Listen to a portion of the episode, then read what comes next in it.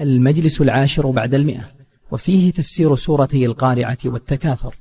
أعوذ بالله من الشيطان الرجيم. بسم الله الرحمن الرحيم. القارعة ما القارعة؟ وما أدراك ما القارعة؟ يوم يكون الناس كالفراش المبثوث. وتكون الجبال كالعهن المنفوث فأما من ثقلت موازينه فهو في عيشة راضية. وأما من خفت موازينه فأمه هاوية. وما أدراك ما هي؟ نار حامية. نعم. بسم الله الرحمن الرحيم. ألهاكم التكاثر حتى زرتم المقابر كلا سوف تعلمون. ثم كلا سوف تعلمون. كلا لو تعلمون علم اليقين. لترون الجحيم ثم لترونها عين اليقين ثم لتسألن يومئذ عن النعيم. بسم الله الرحمن الرحيم. الحمد لله رب العالمين. صلى الله وسلم على نبينا محمد وعلى آله وأصحابه أجمعين. قال الله تعالى أعوذ بالله من الشيطان الرجيم. بسم الله الرحمن الرحيم.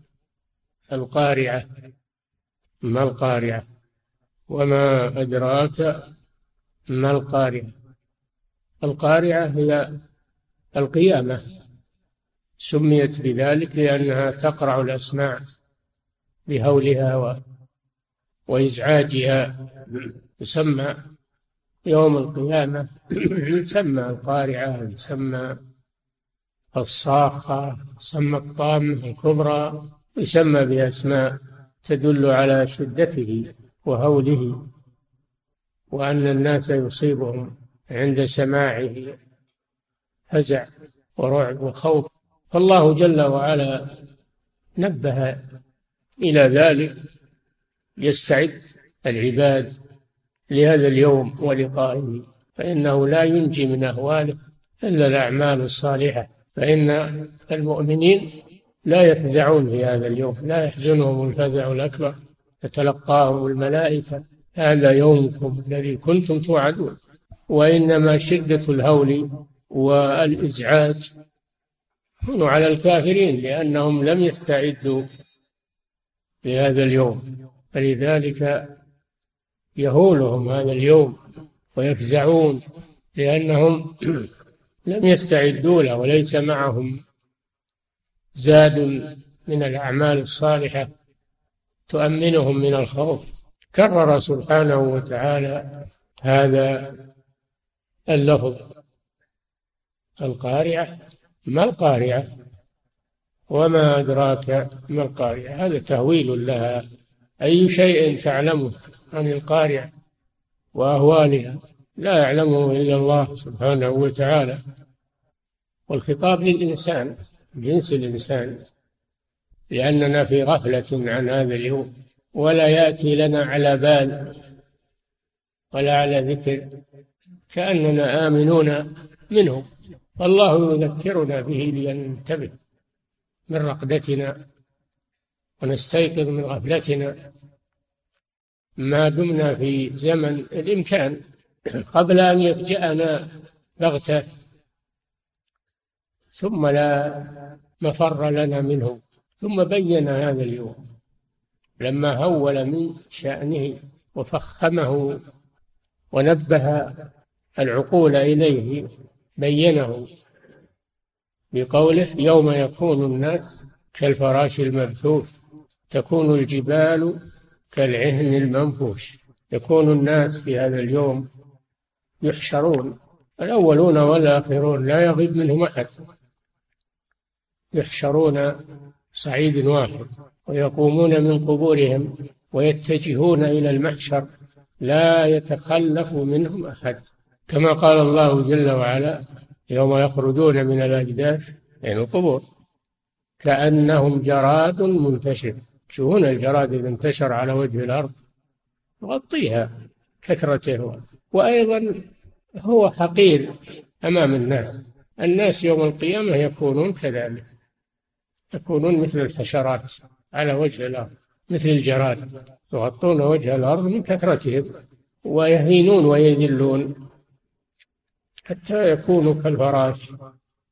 الفراش هو الخشاش الذي ينتشر على الأرض المبثوث المنتشر. كما في الآية الأخرى كأنهم جراد منتشر. يكون الناس كالفراش المبثوث.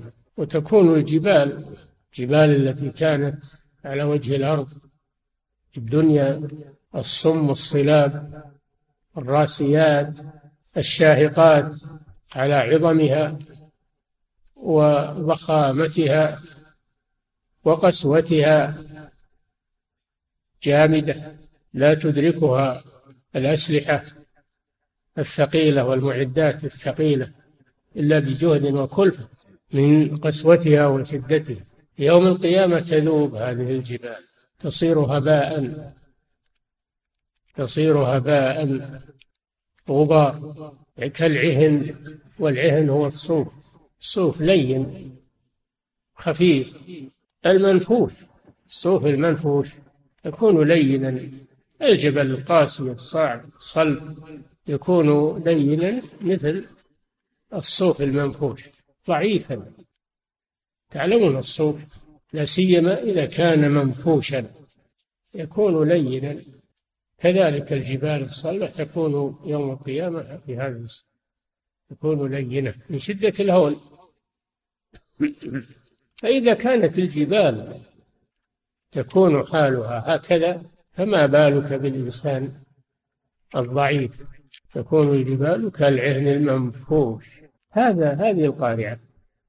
هذه حالها وصفة قيامها لينبه العقول إلى ذلك. ثم بين حال الناس. في هذا اليوم الهائل بين حالهم بحسب أعمالهم. تنصب الموازين. الموازين توزن فيها الأعمال لأن اليوم يوم عدل.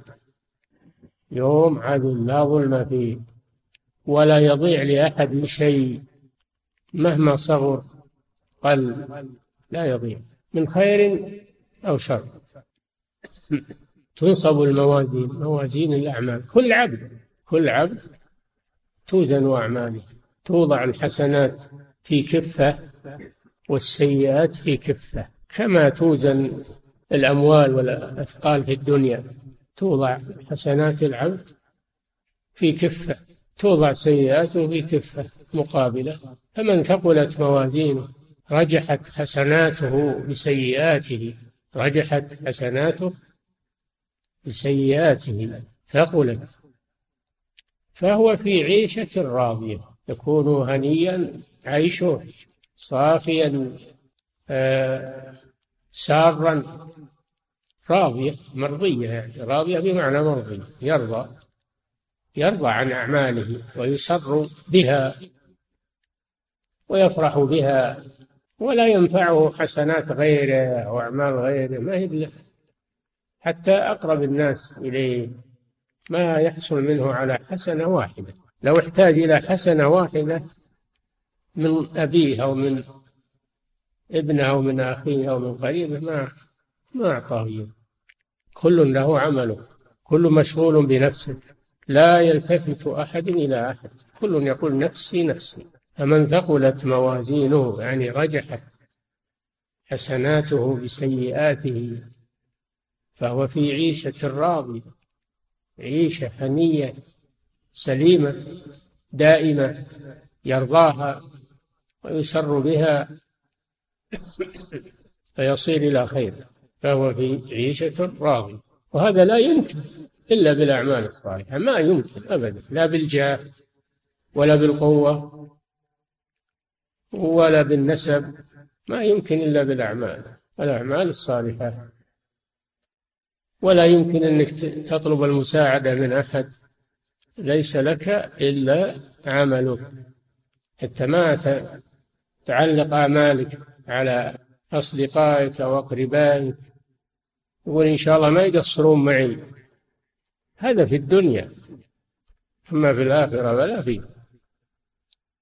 إلا حسناتك أو سيئاتك. ما تلتفت إلى أحد أو تطمع أن أحدا سيساعده. يوم يفر المرء من أخيه وأمه وأبيه صاحبته وبنيه وكل امرئ منهم يومئذ شأن يغنيه.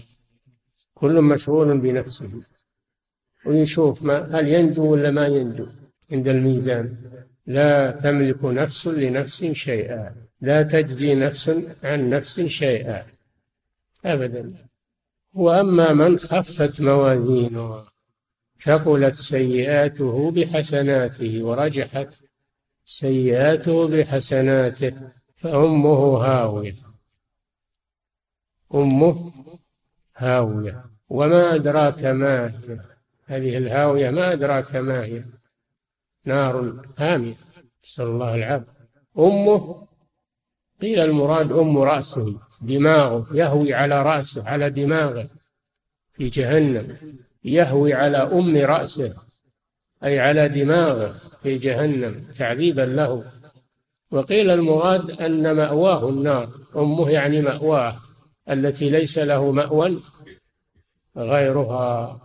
فإما أن تكون الجنة هي المأوى وإما أن تكون النار هي المأوى.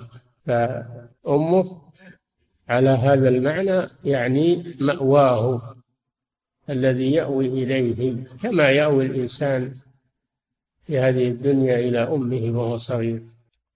ليس له أم غيرها والعياذ بالله وبئست الأم. وما أدراك ما هي؟ ما تعلم أنت الآن؟ ولا تدري ما هي؟ نار حامية نار حامية وليس النار حامية كفى ما يكفي قوله نار؟ المعلوم أن النار حامية لا نار حامية ما هو مثل نار الدنيا اللي تعرفون. ناركم هذه جزء من سبعين جزءا من نار جهنم. جزء واحد من سبعين. وهل تطيقون النار نار الدنيا؟ ما أحد يطيقها ولا يقرب منها. ولهذا قال الصحابة رضي الله عنهم وإنها لكافية. لا نار الآخرة أشد منها بتسع وستين مرة في الحرارة. والحمل نسأل الله العافية. وما أدراك ما هي؟ نار حامية لا يعلم شدة حرها إلا الله عز وجل. فهذه السورة على وجازتها فيها فيها آيات بينات وفيها تنبيه وفيها بيان لما تؤول إليه هذه الدنيا من الفناء والزوال وفيه بيان لحال الآخرة وما يكون فيه وفيه بيان مصير الناس يوم القيامة. لا يخرجون عن هذا المصير إما أن يكون ممن ثقلت موازينه وإما أن يكون ممن خفت موازينه. وبماذا تثقل وبماذا تخف بالأعمال؟ والأعمال محلها في هذه الدنيا. فأنت الآن في دار العمل. يمكنك الآن أنك تتوب من السيئات وأنك تكثر من الحسنات. الله أعطاك القوة وأعطاك الخيرة وأعطاك ومكنك من العمل الصالح. وأيضا فتح لك باب التوبة. ما يقول الإنسان والله أنا فرطت وضيعت. لا الله فاتح باب التوبة. توب إلى الله والله جل وعلا يقبل توبتك ويمحو سيئاتك ويبدلها حسنات. فأنت في الدنيا بإمكانك. أنت سمعت الآن ما أنت قادم عليه وعلمت أنه لا ينجيك من هذا المصير إلا الأعمال الصالحة لا غير. وأنت الآن في دار العمل فما عذرك حينئذ؟ ليس لك عذر. عند الله سبحانه قد بين لك. هذا الشيء. الدنيا دار عمل والآخرة دار جزاء. الدنيا عمل ولا حساب والآخرة حساب ولا عمل. تنبه لهذا. ولا تضيع نفسك ولا تغامر ولا تغفل عن ذلك تلهو عن ذلك ما دمت في زمن الإمكان والفرص لا تدوم لا تدوم الصحة لا يدوم الفراغ لا تدوم القوة. فبادر ما دمت متمكنا قبل فوات الأوان. خذ من صحتك لمرضك كما قال النبي صلى الله عليه وسلم وخذ من دنياك لآخرتك من حياتك لموتك. خذ. ممكنك هذا سهل عليك جدا. ولا تقول والله أنا شاب توي يعني معي مهلة. يمديني يمديني في المستقبل إني أتوب وإني وإني. يجيك الشيطان ويقول قل نفس الأمارة بالسوء أنت توك شاب توك أمامك مستقبل وأمامك كما يقول بعض المغرورين. من من الذي يدريك أنك يمتد بك العمر وأنك تدرك ما تمنيت وما أملت؟ فعليك بالمبادرة. يقول الشاعر ما مضى ما مضى فات والمؤمل غيب. ولك الساعة التي أنت فيها. لك الساعة التي أنت فيها. اللي مضى هذا ما يمكنك ترده. والمؤمل ما تدري هل تدركه في المستقبل أو لا. إذا ما معك إلا الساعة التي أنت فيها. فلا تخسرها وبادرها. ثم قال سبحانه وتعالى بسم الله الرحمن الرحيم. ألهاكم التكاثر. حتى زرتم المقابر. كلا سوف تعلمون ثم كلا سوف تعلمون. هذه السورة بعد القارعة والمضمون واحد. كله تذكير حث على المبادرة.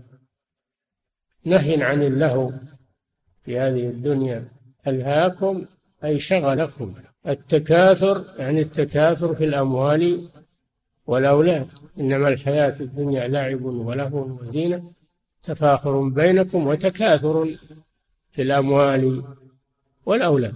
مهمة الإنسان الآن أنه يكون أكثر من الآخر بالمال مهمته يكون أكثر من أكثر الناس مالا وأن يكون أكثر الناس أولادا ويفاخر بذلك.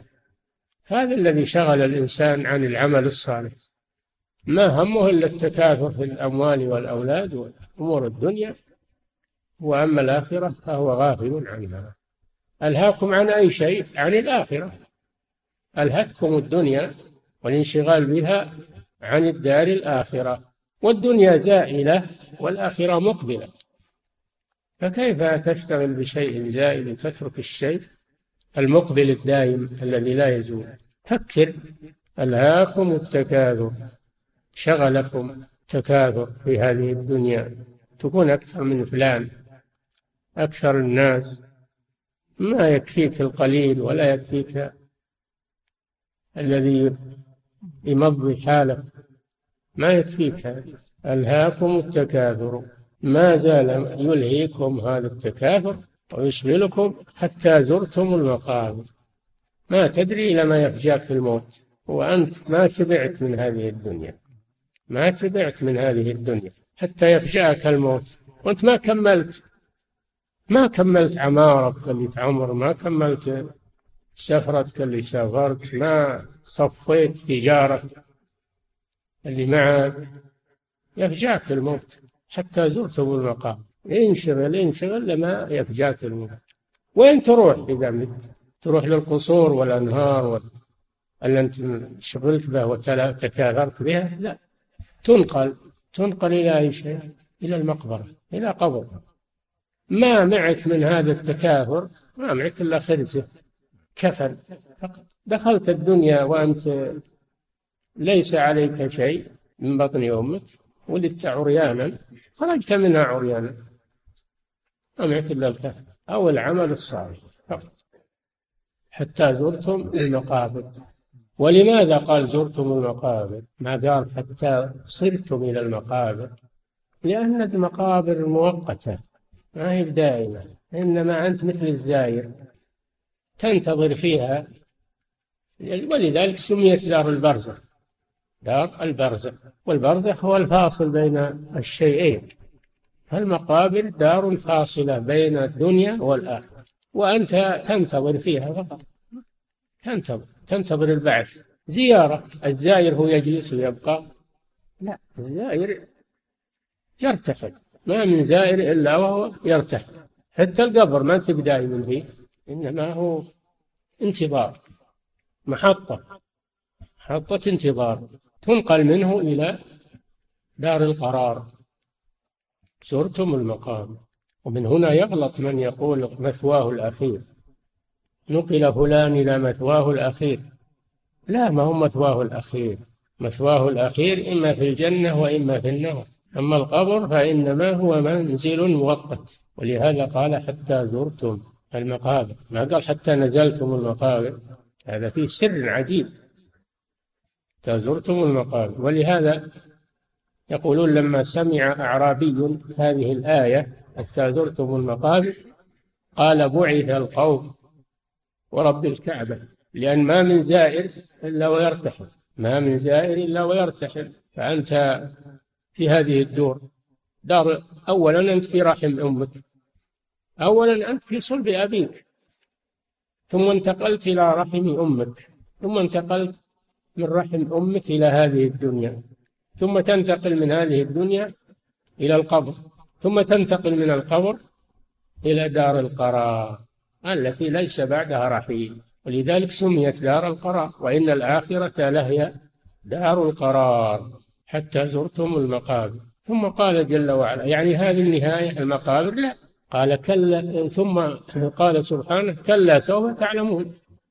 كلا سوف تعلمون. كلا حرف تنبيه وزجر. سوف تعلمون. تعلمون ما أمامكم. أنتم الآن ما تعلمون لكن سوف تعلمون. مستقبلا حين لا ينفعكم العلم. كلا سوف تعلمون ما خرجتم به من هذه الدنيا. تعلمون مآلكم في الآخرة. كلا سوف تعلمون. ثم كلا تأكيد. ثم كلا سوف تعلمون. كلا هذا كله تهديد. كلا لو تعلمون علم اليقين لو تعلمون الآن لو تعلمون الآن علم اليقين الذي لا شك معه ماذا سيكون حالكم ومآلكم. لصار لكم حال غير هذه الحال. كلا شوف كلا كلا كلا كله زجر. كلا لو تعلمون علم اليقين لو تعلمون الآن علم اليقين الذي ما في شك لترون الجحيم ثم لترونها عين اليقين. ثم لتسألن يومئذ عن النعيم. هذا هو المآل هو المآل. الله ما خلى علينا شيء كل شيء بين لنا. كل شيء الله بينه لنا. ما يخفى علينا شيء أبدا شوف لو تعلمون علم اليقين ثم لترونها عين اليقين لأن العلم يقولون ثلاث درجات.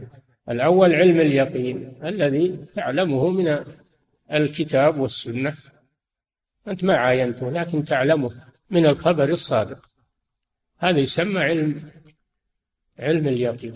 عين اليقين إذا شاهدت الشيء. إذا شاهدت الشيء بعينك هذه عين اليقين. وقفت عليه. بل أول علمته ولكن في النهاية عاينته بعينك. هذا هذا أقوى من علم اليقين. ثم أيضا حق اليقين الدرجة الثالثة حق اليقين. إن هذا لهو حق اليقين. فالعلم علم علم اليقين عين اليقين حق اليقين.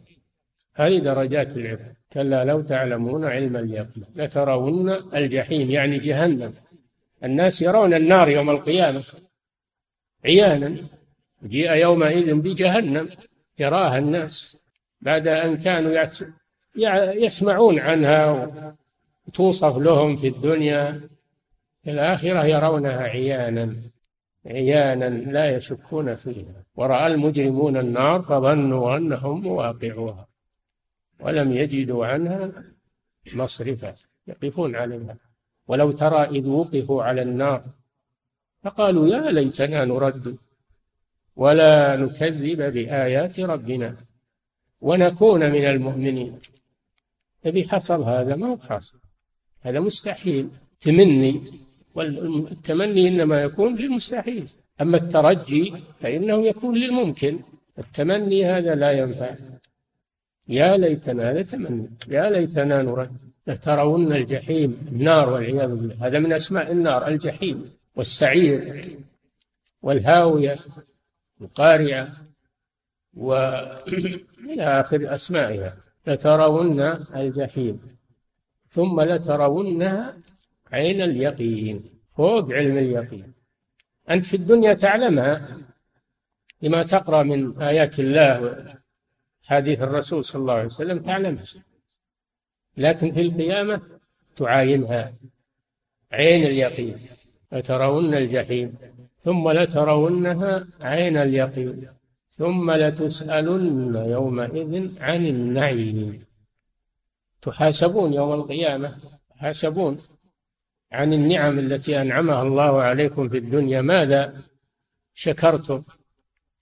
الله أنعم عليك في الدنيا بالصحة أنعم عليك بالرزق أنعم عليك بالشباب أنا أنعم عليك بالأمن والاستقرار.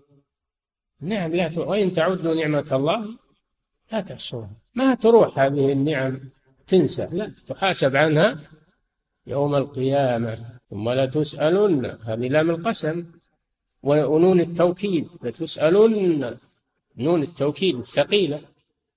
ما في شك هذا. لتسألن يومئذ يعني يوم القيامة عن النعيم الذي أنعمه الله عليكم في الدنيا. أين شكره؟ يعني راح وانتهى؟ لا. كل شيء بثمن. وثمن النعم هو الشكر. هل شكرت أو ما شكرت؟ تسوى تحاسب عن ذلك. ولهذا جاء في الحديث الصحيح أن الرسول خرج من بيته ومعه أبو بكر وعمر رضي الله عنهما. أخرجهما الجوع ذهب إلى بعض الأنصار في بستانهم رضي الله عنهم استقبلهم. استقبالا حسنا ورحب بهم ثم قطع لهم عذقا من النخل. فيه تمر وفيه بسر وجاء لهم بماء بارد فأكلوا وشربوا. أكلوا من الرطب والبسر وشربوا من الماء البارد. فقال النبي صلى الله عليه وسلم إن هذا من النعيم الذي تسألون عنه يوم القيامة. من النعيم الذي تسألون عنه يوم القيامة.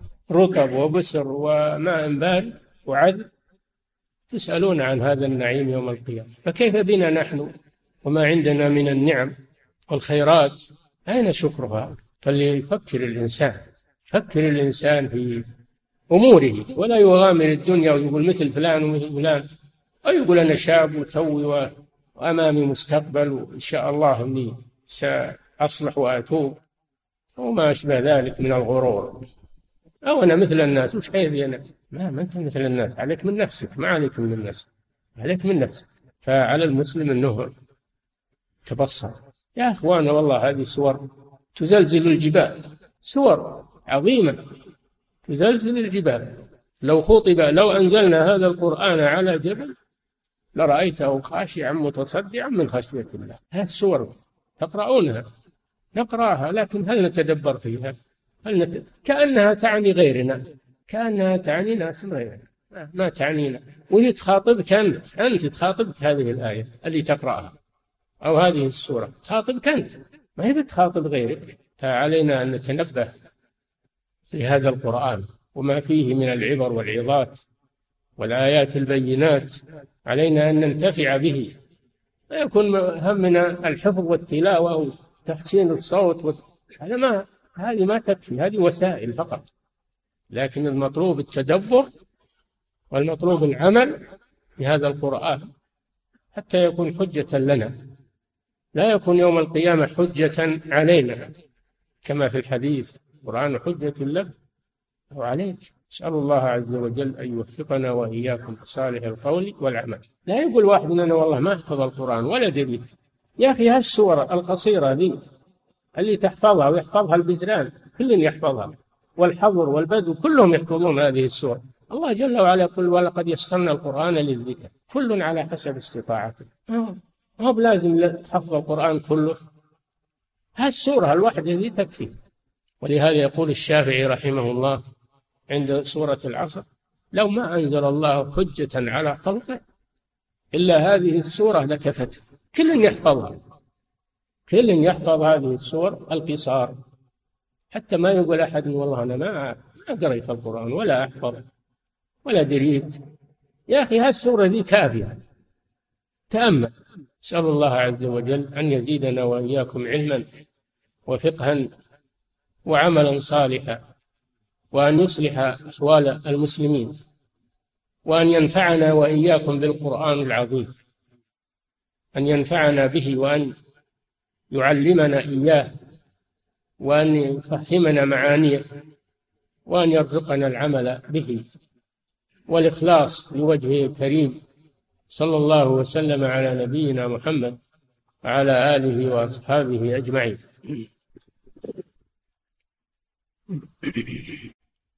يقول فضيلة الشيخ وفقكم الله هل أهوال يوم القيامة تمر على المؤمنين والكفار أم هي خاصة بالكفار؟ تمر على الجميع لكن المؤمنون تسهل عليهم ولا تفزعهم. وأما الكفار فالله جل وعلا قال ذلك يوم عسير على الكافرين غير يسير. شدته على الكفار. أما المؤمن الذي قدم لنفسه العمل الصالح واستعد فهذا ييسره الله عليه لا يحزنهم الفزع الأكبر. لا يسمعون حسيسها. وهم فيما اشتهت أنفسهم خالدون. لا يحزنهم الفزع الأكبر وتتلقاهم الملائكة. هذا يومكم الذي كنتم توعدون. نحن أولياء. هذا يومكم الذي كنتم توعدون. نعم. نعم. فضيلة الشيخ وفقكم الله يقول هل الأنبياء عليهم الصلاة والسلام يحاسبون وتوزن أعمالهم يوم القيامة كغيرهم؟ الله أعلم. ظاهر العموم. ظاهر العموم. الموازين عامة. نعم. فضيلة الشيخ وفقكم الله هل ما يصيب المسلم من أهوال القبر وأهوال يوم القيامة تكون مكفرات لذنوبه؟ نعم المؤمن تكفر ذنوبه بعدة مكفرات منها عذاب القبر. منها عذاب القبر. فهو من جملة المكفرات للمؤمنين. نعم. فضيلة الشيخ وفقكم الله يقول هل الهاوية اسم من أسماء النار؟ نعم. الهاوية اسم من أسماء النار لأن أهلها يهون فيها على رؤوسهم. نعم. فضيلة الشيخ وفقكم الله كيف الجمع بين قوله سبحانه فمن ثقلت موازينه بجمع الموازين وفي آية أخرى بالإفراد فهل الميزان واحد أم هي موازين متعددة؟ موازين بحسب الأعمال. موازين بحسب الأعمال وبحسب الناس حسب الناس وحسب أعمالهم. فهي موازين بحسب الأعمال وحسب الناس وهي ميزان واحد حسب الجميع. نعم. يقول هل الميزان يوم القيامة حسي أو معنوي؟ لا حسي له كفتان.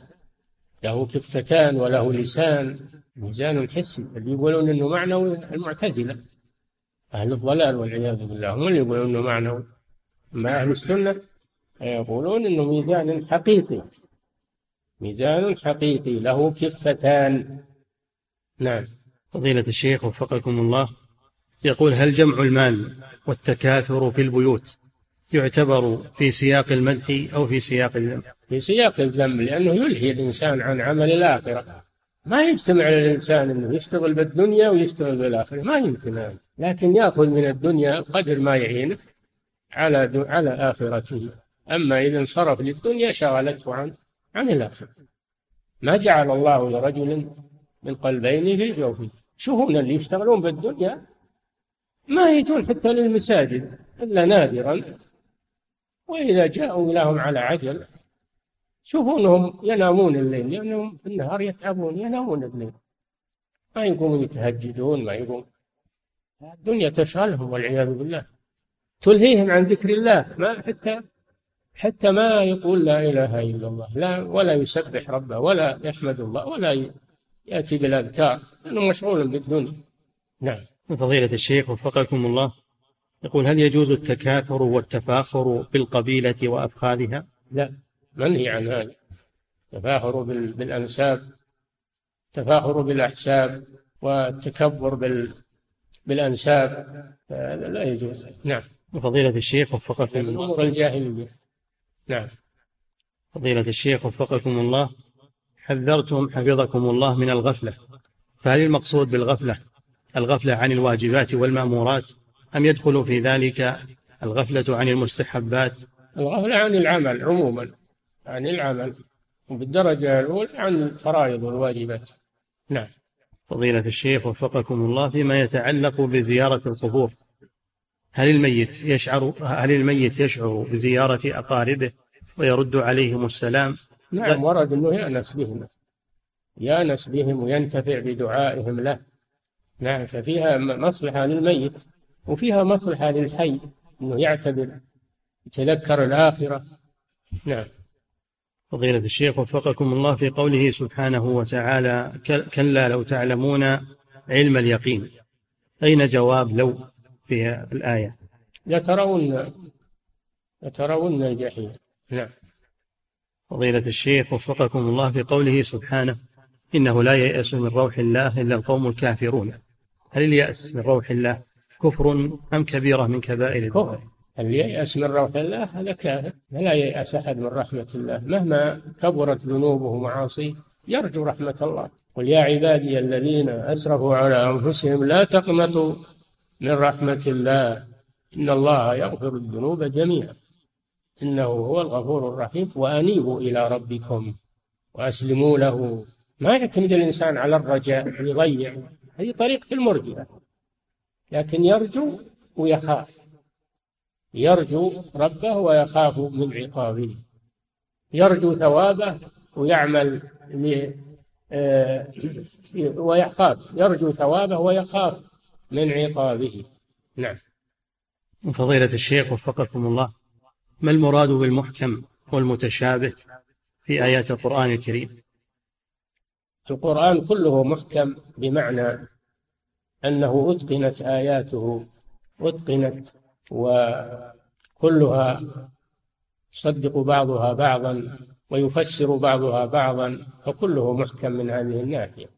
كله متشابه بمعنى أن بعضه يشبه بعضا في الحسن والبلاغة والحلاوة فهو متشابه يشبه بعضه بعضا. كل الله أنزل أحسن الحديث كتابا متشابها. كله متشابه بهذا المعنى. وبعضه محكم وبعضه متشابه. المحكم هو الذي لا يعرف معناه إلا بإرجاعه إلى المتشابه. هو الذي لا يعرف معناه إلا برده إلى المحكم الذي يفسره. القرآن يفسر بعضه بعضا. الرسول يفسر القرآن. اللغة التي نزل بها تفسره.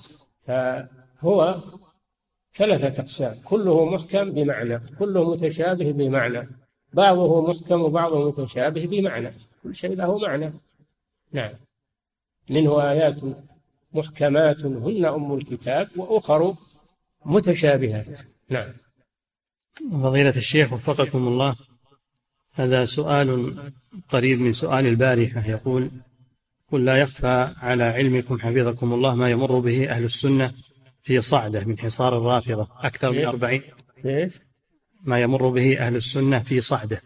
نعم. من حصار الرافضة أكثر من أربعين يوما حتى أكلوا كل شيء عندهم ومات صبيانهم في هذا البلد فهم في حالة لا يعلمها إلا الله كما أنهم يضربون بالدبابات من قبل الرافضة. يقول السؤال حفظك الله يقول قد استنجدوا بمن عندهم فلم يستجب لهم أحد. هل يجوز مناصرتهم بالمال ومن الزكاة لشراء السلاح والدفاع عنه؟ نعم.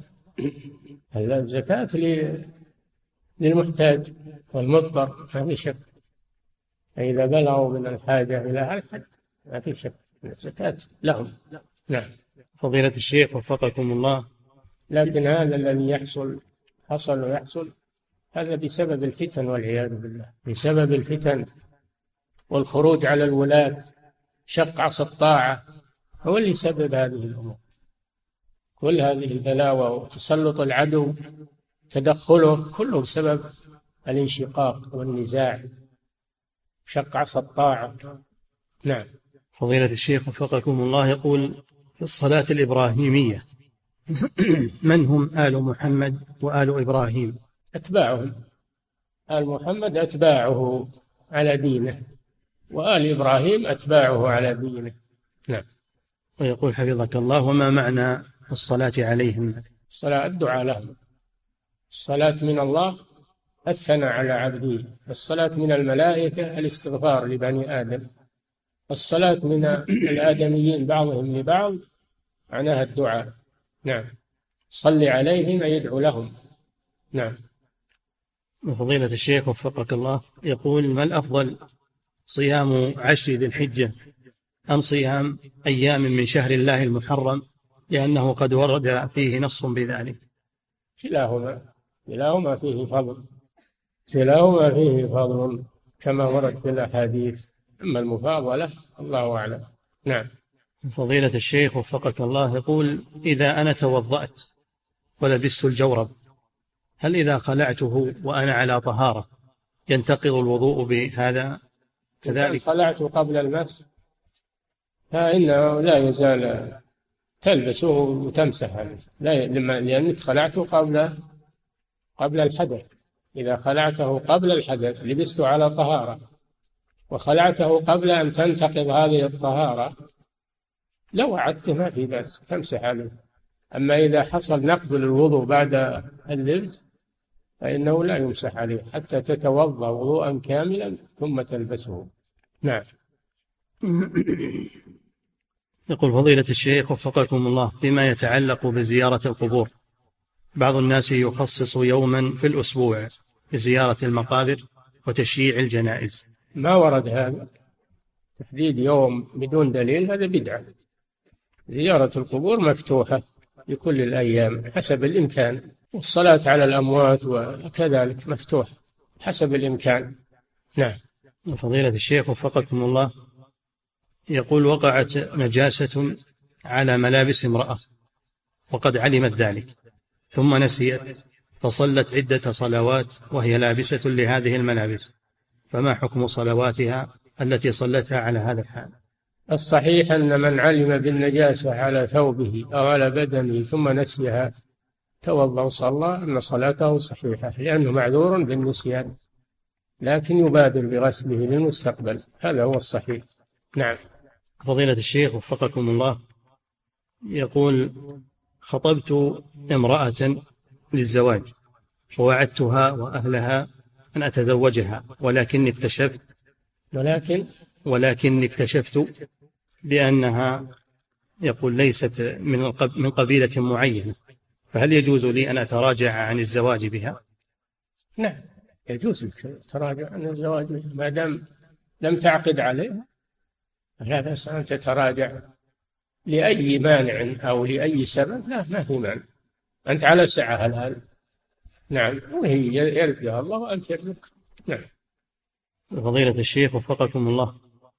يقول المساجد التي المساجد المستلمة من الدولة والقائمة عليها الدولة هل يجوز أن أترك دورات المياه فيها مفتوحة في غير وقت الصلاة خدمة للناس؟ لا يحصل مفاسد صار يحصل مفاسد وأهل الفساد وأهل الشر يستغلونها. ولذلك صارت تغلق بعد أداء الصلوات وانتهاء حاجة الناس بها للصلاة تغلق لئلا تكون مأوى للفساد. نعم. فضيلة الشيخ وفقكم الله يقول عندما يسألني شخص عن مسألة وأنا أعرف فتوى أحد العلماء الثقات فيها هل أخبره بالفتوى أم أقول إنني لا أدري؟ إذا كان ما في أحد من أهل العلم يسأله أو تسأله أنت ما في أحد وأنت تعرف الفتوى وتثق منها تنقلها له. لأن هذه حاجة وضرورة. نعم.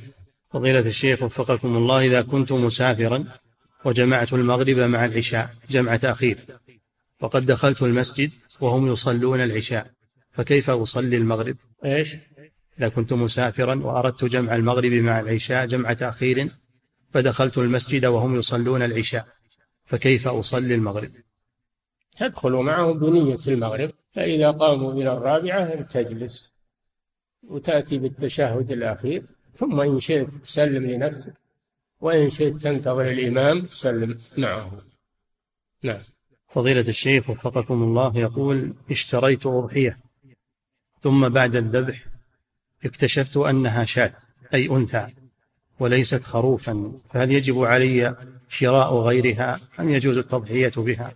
إذا كانت تبرعا منك فلا بأس. أنثى ولا ذكر ما في بأس. أما إذا كانت وصية موصي أنه يذبح خروف الموصي نص على خروف فلا بد من تنفيذ الوصية. نعم. فضيلة الشيخ وفقكم الله إذا كان هناك شخص قد عرف بلقب مشين نعم. إذا كان هناك شخص قد عرف واشتهر بلقب مشين فهل يجوز أن أذكر لقبه؟ وذلك للتعريف به وليس لقصد الغيبة إذا كان يكره هذا فلا يجوز. إذا كان يكره هذا اللقب فلا يجوز. له أما إذا كان هو ما يكره هذا اللقب وصار دارج ما في بأس. نعم. فضيلة الشيخ وفقكم الله. يقول إذا حضر إلى الصلاة من يحتاجون إلى الجلوس على الكراسي في صلاتهم وقد حضروا مبكرين إلى الصف الأول فهل للإمام أن يرجع أولئك إلى الخلف بدعوى أن هذه الكراسي تخل بالصفوف؟ لا ما تخل بالصفوف. الرسول صلى الله عليه وسلم قال يصلي المريض قائما فإن لم يستطع فقاعدا فإن لم يستطع فعلى جنب. وهذا يشمل صلاته منفرد صلاته مع الجماعة ولا تضيقوا عليهم. نعم. يقول فضيلة الشيخ وفقكم الله يقول إذا أوتر إنسان وقام آخر الليل إذا أوتر إنسان أول الليل وقام آخره يريد أن يصلي فماذا يفعل؟ هل يوتر مرتين؟ لا. الصحيح أنه يقوم ويصلي ما تيسر ويكتفي بالوتر الأول فلا يكرره يكفي الوتر الأول. تجوز الصلاة بعد الوتر ورد في السنة الصلاة بعد الوتر ما في مانع. نعم. فضيلة الشيخ وفقك الله يقول في بلدي يعتقدون أو أكثرهم يعتقد أن الله في كل مكان. الله العافية. وأئمة المساجد هناك على هذا الحال. يقول هل أصلي منفردا أم أصلي معهم أم أصلي الجمعة فقط معهم؟ إذا علمت أن الإمام يعتقد هذه العقيدة فلا تصلي خلفه. أما إذا لم تعلم فالأصل في المسلم الخير والعدالة. إذا لم تعلم. نعم. فضيلة الشيخ وفقكم الله يقول ما حكم تقديم الطعام للكفار في نهار رمضان في بلد الكفر. لا المسلم لا يقدم الطعام. المسلم لا يقدم الطعام في نهار رمضان لأن دينه يمنعه من ذلك. نعم. فضيلة الشيخ. الكفار يخدمه الكفار لا تخدم مسلم لا يخدم الكافر. نعم. فضيلة الشيخ وفقك الله يقول إذا طاف الحاج طواف الوداع? إذا طاف الحاج طواف الوداع نعم. وجلس في مكة مدة من الزمن بسبب تأخر الحملة فهل يجب عليه أن يرجع ويطوف مرة أخرى؟ إذا كان بات في مكة فإنه ينتقض الوداع لا بد من إعادته أما إذا كان ما بات وإنما تأخر لغرض من الأغراض ولم يبت فلا مانع. هو على طوافه لا يعيده. نعم. فضيلة الشيخ وفقكم الله يقول الرسول صلى الله عليه وسلم بلغوا عني ولو آية فهل الذي عنده علم ولم يبلغه يأثم بذلك؟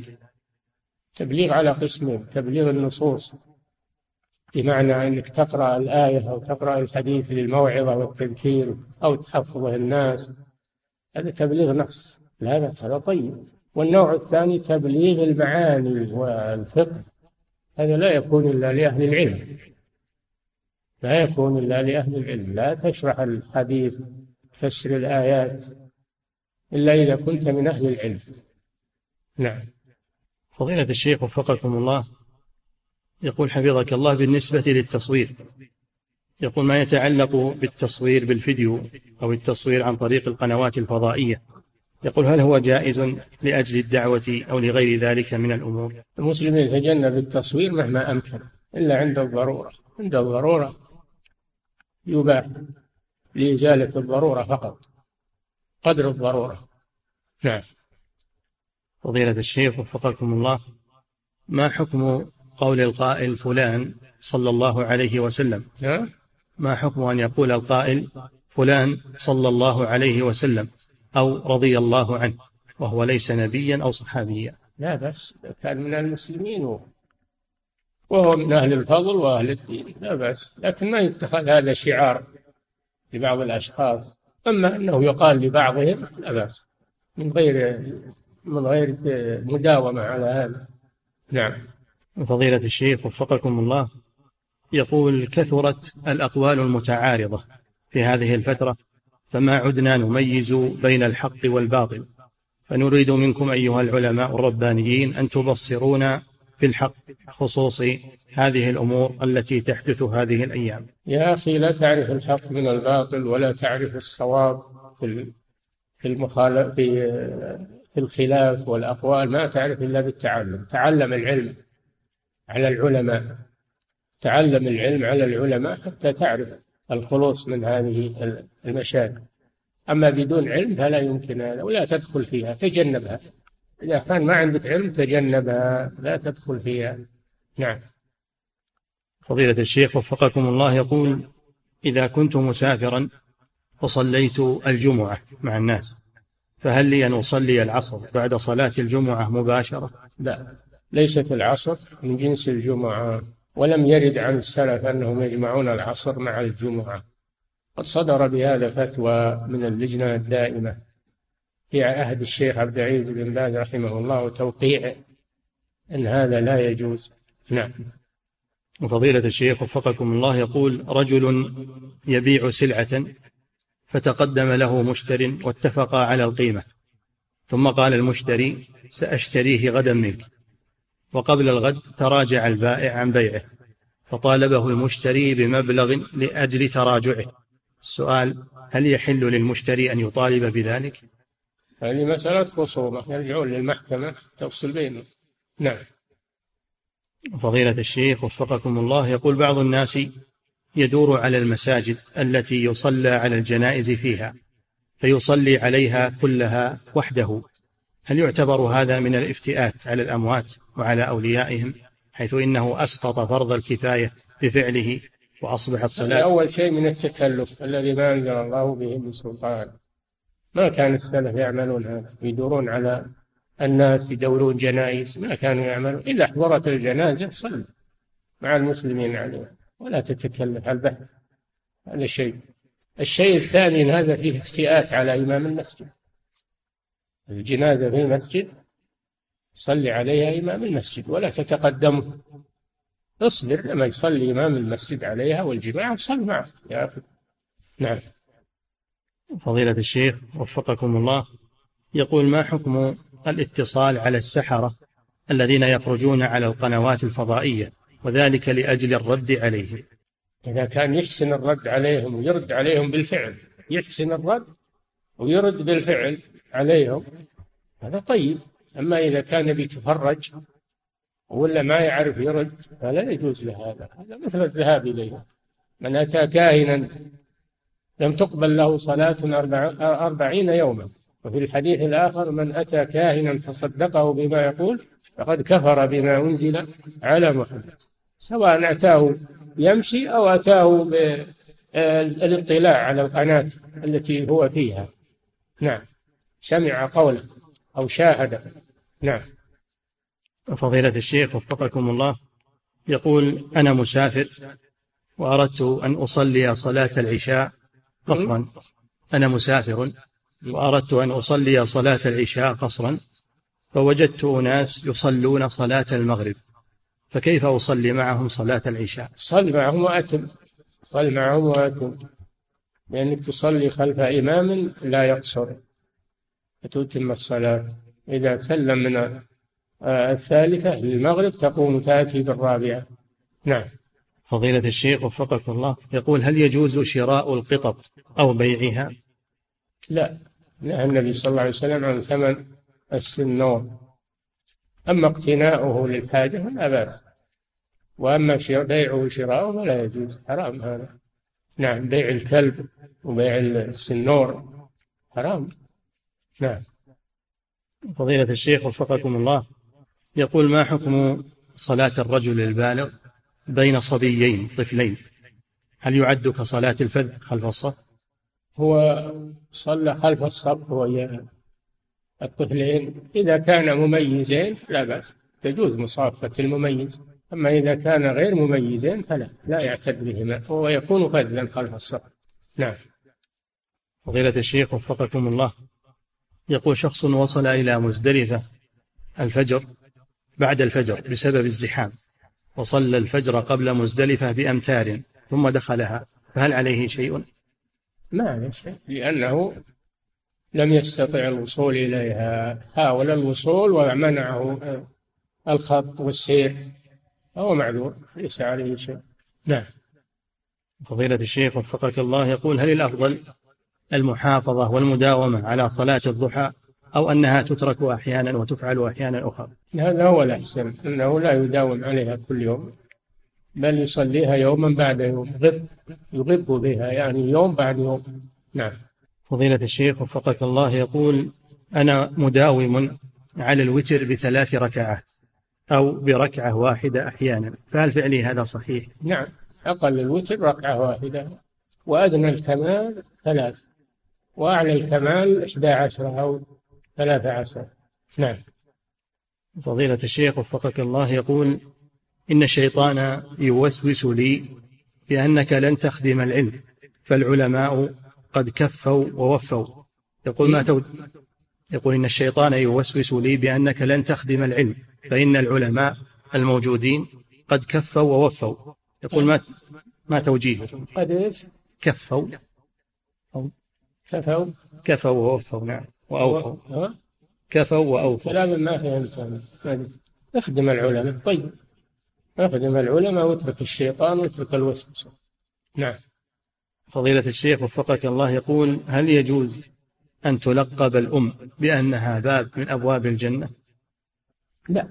لكن الأم البر بها يفتح لك باب من أبواب الجنة. يفتح لك باب سبب لدخول الجنة. ولا تلقب الأم بباب الجنة. نعم. فضيلة الشيخ وفقكم الله يقول هل يجوز الكتابة على هامش المصحف لضبط الأحكام والتعلم؟ لا المصحف لا يكتب فيه شيء. لا على هوامشه ولا بين السطور. يجرد للقرآن فقط. وإذا أردت تكتب هوامش خل معك دفتر. اكتبها خارج المصحف. نعم. فضيلة الشيخ وفقكم الله يقول هل في رفع الصوت بالذكر بعد الصلاة؟ هل عليه دليل وما حكمه؟ نعم عليه دليل. ابن عباس يقول يوم صبي صغير يقول ما كنا نعرف الانصراف من الصلاة إلا إذا سمعنا التكبير أو الذكر. دل على أن هذا موجود على عهد النبي صلى الله عليه وسلم. نعم. ما كنا نعرف انقضاء الصلاة إلا بذلك. نعم. فضيلة الشيخ وفقكم الله يقول في صلاة النافلة قمت بالركعة الثالثة ناسيا فهل لي أن أكمل أربع ركعات؟ في إيش؟ في صلاة النافلة قمت بركعة ثالثة. لا في الليل لا. الليل تجلس يجب عليك الجلوس لأن صلاة الليل مثنى مثنى فلا تقم إلى ثالثة. وأما في النهار فلا بأس. حولها من ثنتين إلى أربع لأنه يجوز التطوع في النهار بأربع. نعم بسلام واحد نعم. فضيلة الشيخ وفقكم الله. يقول ما معنى قول الإمام سمع الله لمن حمده؟ أي استجاب. سمع الله لكذا يعني استجاب له. إذا عدي باللام فمعناه الإجابة. نعم.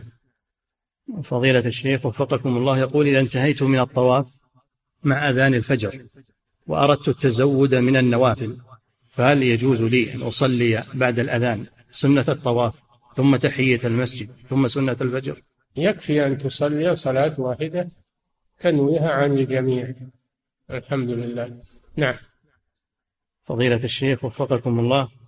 يقول إذا أردنا أن نؤخر الصلاة عن أول وقتها كالعشاء مثلا فهل يكون الأذان في أول الوقت أم نؤخره؟ إذا إيش؟ إذا أردنا أن نؤخر الصلاة عن أول وقتها كالعشاء مثلا فهل يكون الأذان في أول الوقت أم نؤخره حتى إذا أردنا الصلاة؟ إذا كنتم في بلد صلوا مع الناس ولا تؤخروا ولا تؤذنون يكفي أذان المسجد. صلوا مع الناس في المسجد. أما إذا كنتم في بر أو في مكان ليس حولكم مساجد فلا بأس أن تؤخروها وبدون أذان. يكفي الأذان على دخول الوقت. نعم. انتهى. الله تعالى أعلم.